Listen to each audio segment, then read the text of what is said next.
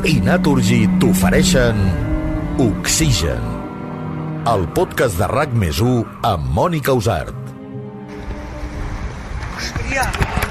Hostia, es impresionante. En aquest episodi, la ventada del 24 de gener de l'any 2009. El dissabte 24 de gener del 2009, Catalunya va viure un dels temporals de vent més durs de la seva història. Oxigen, Les ventades van posar en alerta pràcticament tot el territori. Tot i això, les ventades van superar les expectatives i el balanç final va ser de 8 víctimes mortals. Del 23 al 25 de gener del 2009, una borrasca molt profunda va afectar el nord d'Espanya i el sud de França. Es va desplaçar des de les Illes Açores fins al golf de Gènova i va provocar danys materials i morts. Es veia venir? Ho explica Santi Segalà, cap de predicció del Servei Meteorològic de Catalunya. L'episodi de vent del 24 de gener del 2009 va ser un episodi doncs, extraordinari. A Catalunya, una ventada que ja un parell de dies abans es començava a intuir. Dos dies abans sí que vam començar a fer ja un avís que afectava la zona sud de Catalunya i també la zona de, de l'Empordà, de vent de component oest i nord. El dia anterior, a, a l'episodi, és a dir, el dia 23, sí que ja vam pujar el, el grau de perill, ja veiem una probabilitat alta, però encara no estàvem fent doncs, un, un, un avís extens, per dir-ho d'alguna manera. No va ser fins 12 hores abans, l'actualització de la tarda del dia abans de, de l'episodi, en què ja vam veure que una, una petita depressió s'estava formant a la zona del Cantàbric i semblava que recorreria una trajectòria que passaria pel, pel sud de França. 12 hores abans vam veure que aquesta, aquesta depressió doncs, feia una apretada molt, molt forta de les isòbares damunt de la zona de Catalunya ja de cara al dia 24 de, de gener. La depressió es va aprofundir molt ràpidament en poques hores, una situació que es coneix com a ciclogènesi explosiva. Aquesta potent borrasca se la va batejar amb el nom de Klaus i combinada amb un anticicló situat al nord del continent africà va provocar precisament una canalització de vent de ponent a Catalunya, com pocs cops havíem vist abans. Per aquest motiu, Protecció Civil es va posar en marxa. Hi havia uns avisos al Servei Meteorològic de Catalunya de, de situació de vent Sergio Delgado, sotsdirector general de Planificació i Programes de Protecció Civil. i estava en marxa doncs, eh, el que era en aquell cas el Procicat, el Pla de Protecció Civil, perquè eh, que sabeu que és el pla multirisc a, a Catalunya, és a dir, el pla que apliquem quan no, quan no hi ha un pla d'emergència per un risc especial i, i estava en marxa eh, doncs, el Procicat a partir d'aquests avisos al Servei Meteorològic de, de Catalunya. Des dels mitjans de comunicació calia fer d'altaveu i alertar la població de la ventada històrica que estava a punt d'arribar. Va ser una bestiesa. Dani Ramírez, meteoròleg de TV3. De fet, el pronòstic ja ens indicava una ventada molt, molt forta i ho vam advertir. Eh? Quan veiem situacions així més perilloses ja fem servir un vocabulari diferent per advertir la població, de dir situació de perill, posem els mapes d'advertiment del Servei Meteorològic de Catalunya, totes les alertes que hi hagi relacionades, aquell dia doncs es va fer, i més o menys sí, s'acotava a la zona central del país, a la costa, al. De fet, gairebé tot Catalunya tenia aquest risc de ventada. Però és cert que mai t'imagines el que passa a la realitat, a les persones, a la mobilitat, a la natura, què pot passar amb una ventada de, de 100 km per hora o més perquè ens va sorprendre, perquè finalment van ser ràfegues de, de, de, de 150 i es va parlar en algunes zones de 200 km per hora cap a la zona de Mediona, el Penedès, també el port d'en es van passar dels 200 per hora, eh, la zona de Portbou, i clar, eh, una cosa és 100 i l'altra és 200. I una cosa és 100 en els llocs habituats, Tarragona i l'Empordà, i l'altra és 100 eh, a l'àrea de Barcelona, la zona més poblada del país. Eh, vaja, no, no estem preparats i, evidentment, després, quan veus el que passa, et poses les mans al cap. Tot i que els mapes ens mostraven que aquell dia el vent podia fer mal, imaginar-se el desenllaç era impossible. Oxigen. El podcast de RAC més 1 amb Mònica Usart. Els avisos fets el divendres previ a la ventada tenien com a objectiu que la població canviés els plans que podien suposar un perill.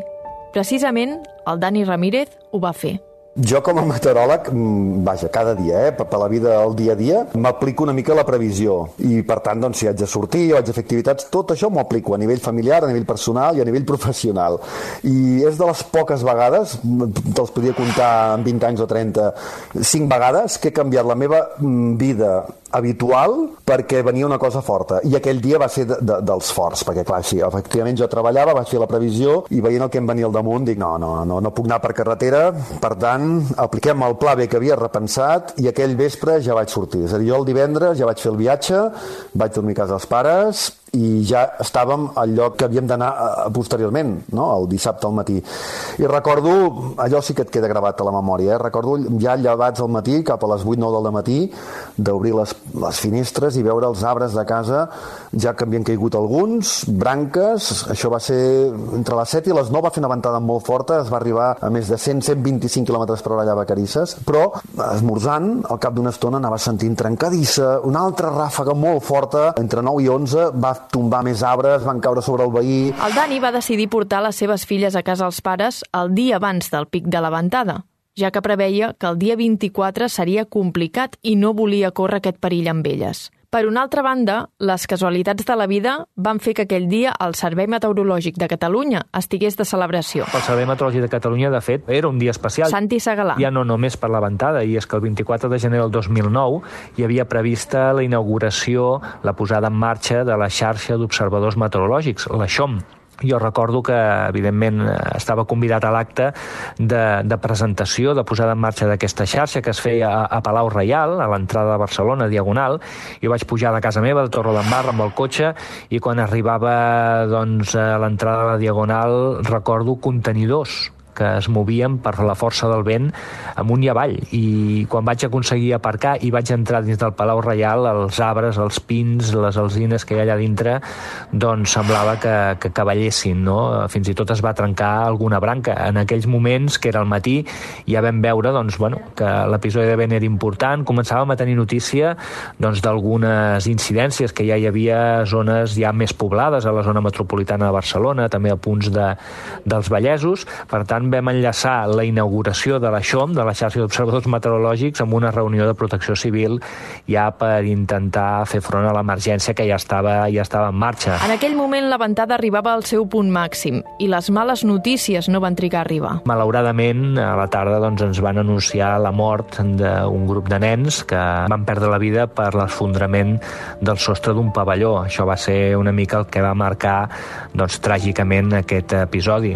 A banda d'aquestes morts, morts malaurades, doncs també hi va haver molts danys amb infraestructures, problemes a les carreteres i de mobilitat, com sol ser habitual amb aquest tipus d'episodis. De, es van repetir reunions durant la tarda i fins al vespre. Recordo que vam fer la darrera reunió quan el vent ja anava a la baixa, però per fer un recull de danys, i recordo una llista interminable doncs, d'incidències que hi havia gairebé a tot el territori català, no només a la zona metropolitana, sinó també punts de les Terres de l'Ebre, comarques de Tarragona, Girona, el Pirineu també va, va, va veure's molt afectat per aquesta ventada. Als meteoròlegs els costava de creure tot el que aquella ventada estava portant. Murs caiguts, arbres arrencats, taulades volant... Jo per sortir de casa i anar a treballar Uh, M'ho vaig veure una mica fumut, eh, la veritat. Uh, vaig haver de baixar del cotxe i apartar algunes branques. Uh, arbres caigut no es podia apartar, però per sort la ruta que vaig fer doncs, no hi havia arbres atraçats en aquell moment. I després passar per Abrera, Olesa, Abrera, Martorell, anava veient la ventada i, i em vaig posar les mans al cap quan vaig arribar a la feina TV3. I clar, va ser arribar i al cap de poca estona es va saber la gran desgràcia que va passar a Sant Boi, allà al túnel de batuda de béisbol, i vaja, això em va impactar molt.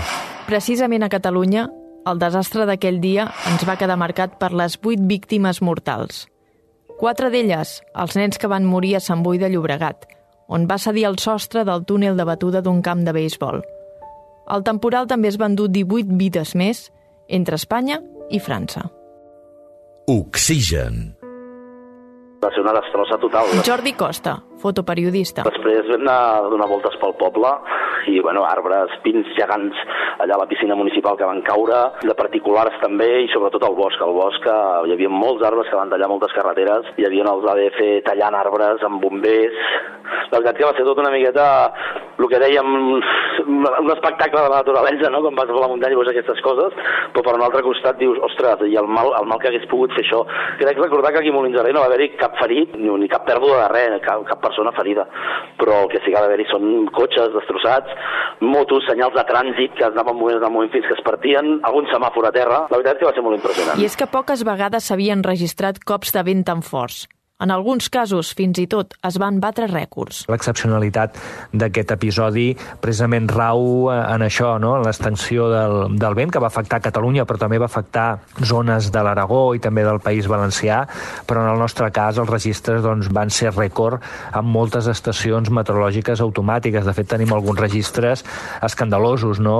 els 200 km per hora de, de Portbou, més de 150 km per hora a punts del Pirineu, tant del Ripollès Vallès com del Pallars Sobirà, però també en zones on normalment no hi bufa el vent, doncs ens van superar els 120 km per hora, com és el cas doncs, de Mas de Barberans al Montsià, Falset al, Priorat, al Guaire, al Segrià, a Òdena, a la Noia, o, o al Parelló al Baix Ebre, no? zones doncs, on que normalment doncs, el vent no, no hi pica amb tanta i tanta força i en alguns d'aquests llocs doncs, precisament aquesta ventada doncs, va ser rècord de tots els registres que s'havien assolit fins fins, fins llavors. Però el que deia abans, eh, l'extensió de la ventada va ser el que va destacar més. La ventada del gener del 2009 va marcar un abans i un després no tan sols pels cops de vent, sinó també per les afectacions. En el registre més, més recent nostre de la Direcció General de Protecció Sergio Delgado. realment va ser el primer episodi que nosaltres tenim una constància dic des de la perspectiva de la Direcció General de Protecció Civil,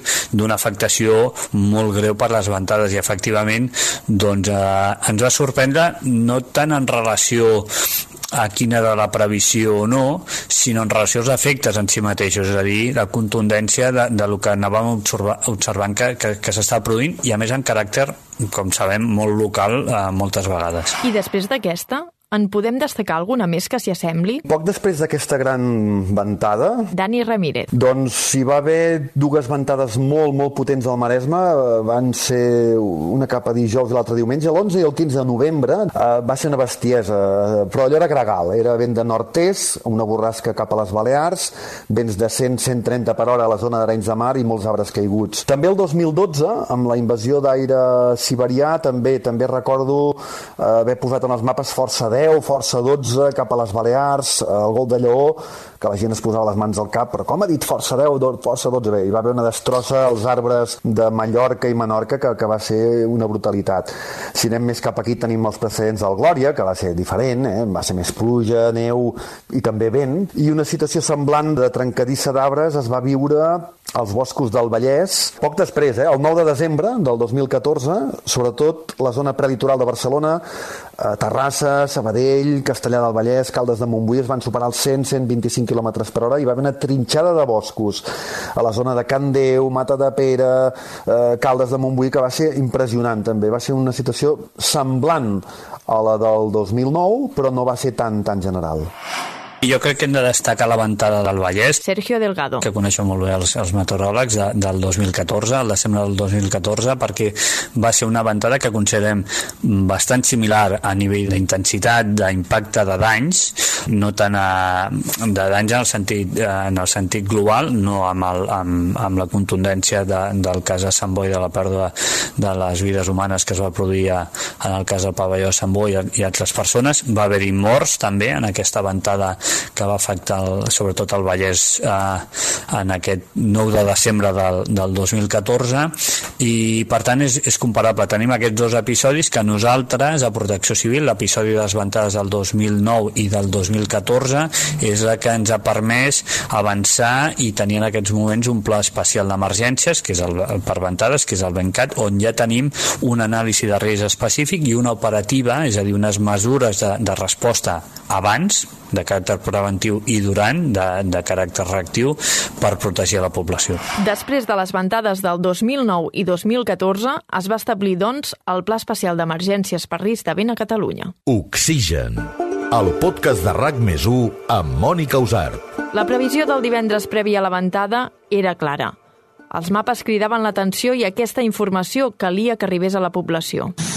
Demà el vent bufarà a totes les comarques catalanes amb intensitat, amb cops de vent, en llocs poc habituals, fins i tot, que arribaran als 80, 100 o 120 km per hora. Però les més afectades seran doncs, la zona del Pirineu i Prepirineu, sobretot zones elevades, eh, també zones elevades de, de, la, de la Catalunya interior, l'altiplà central, zones elevades de l'interior. I després de tot plegat, els homes i les dones del temps van rebre crítiques? No, no, no, no, no. no. Dani Ramírez. En general no rebem grans crítiques. Puntualment sí, a vegades fins i tot una mica fora de lloc perquè tampoc s'adequen a la realitat, però, però no, en tot cas, la crítica penso que la millor la podem fer nosaltres mateixos i clar, després dius, ostres, ens vam quedar curts, realment els efectes van ser, van ser devastadors i no, no, en principi la gent no se tira al damunt perquè el pronòstic no hagi sortit molt bé en cas d'una ventada, eh? potser sí que hi ha altres situacions de nevades que no arriben, de nevades que no es produeixen, de nevades que s'endarrereixen, que això doncs, eh, ja afecta un sector social i econòmic que a vegades sí que eh, en rep reps més crítiques.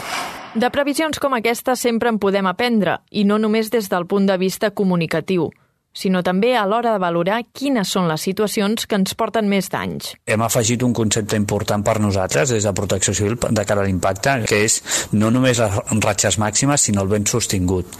Observem que els danys, i el 2009 va ser així, i el 14 també, es produeixen quan es combinen vent sostingut important, per sobre d'aquests 40 km per hora de mitjana, amb ratxes fortes. Aquesta combinació és el que veiem que provoca els danys més greus en els episodis. De vegades tenim ratxes fortes però no tenim molts danys i en canvi si tenim ben sostingut amb unes ratxes potser no tan, tan extremes però sí importants és llavors quan es produeix el dany i sobretot també zones com l'Empordà, on quan entra el vent amb una component que no és l'habitual, en comptes d'entrar de nord de Tramuntana entra amb una component diferent, provoca danys. És a dir, també hem vist el factor aquest de quin és el vent, la component de vent habitual o no, en la generació de danys. Aquella ventada va ser històrica i el balanç de víctimes mortals dramàtic. Aquell dia potser les alertes es van quedar curtes, potser les paraules no van ser prou clares. D'això n'hem d'aprendre i de cara al futur protegir-nos davant d'una ventada com aquesta. RAC1 i Naturgy t'han ofert Oxigen, el podcast de RAC més amb Mònica Usart.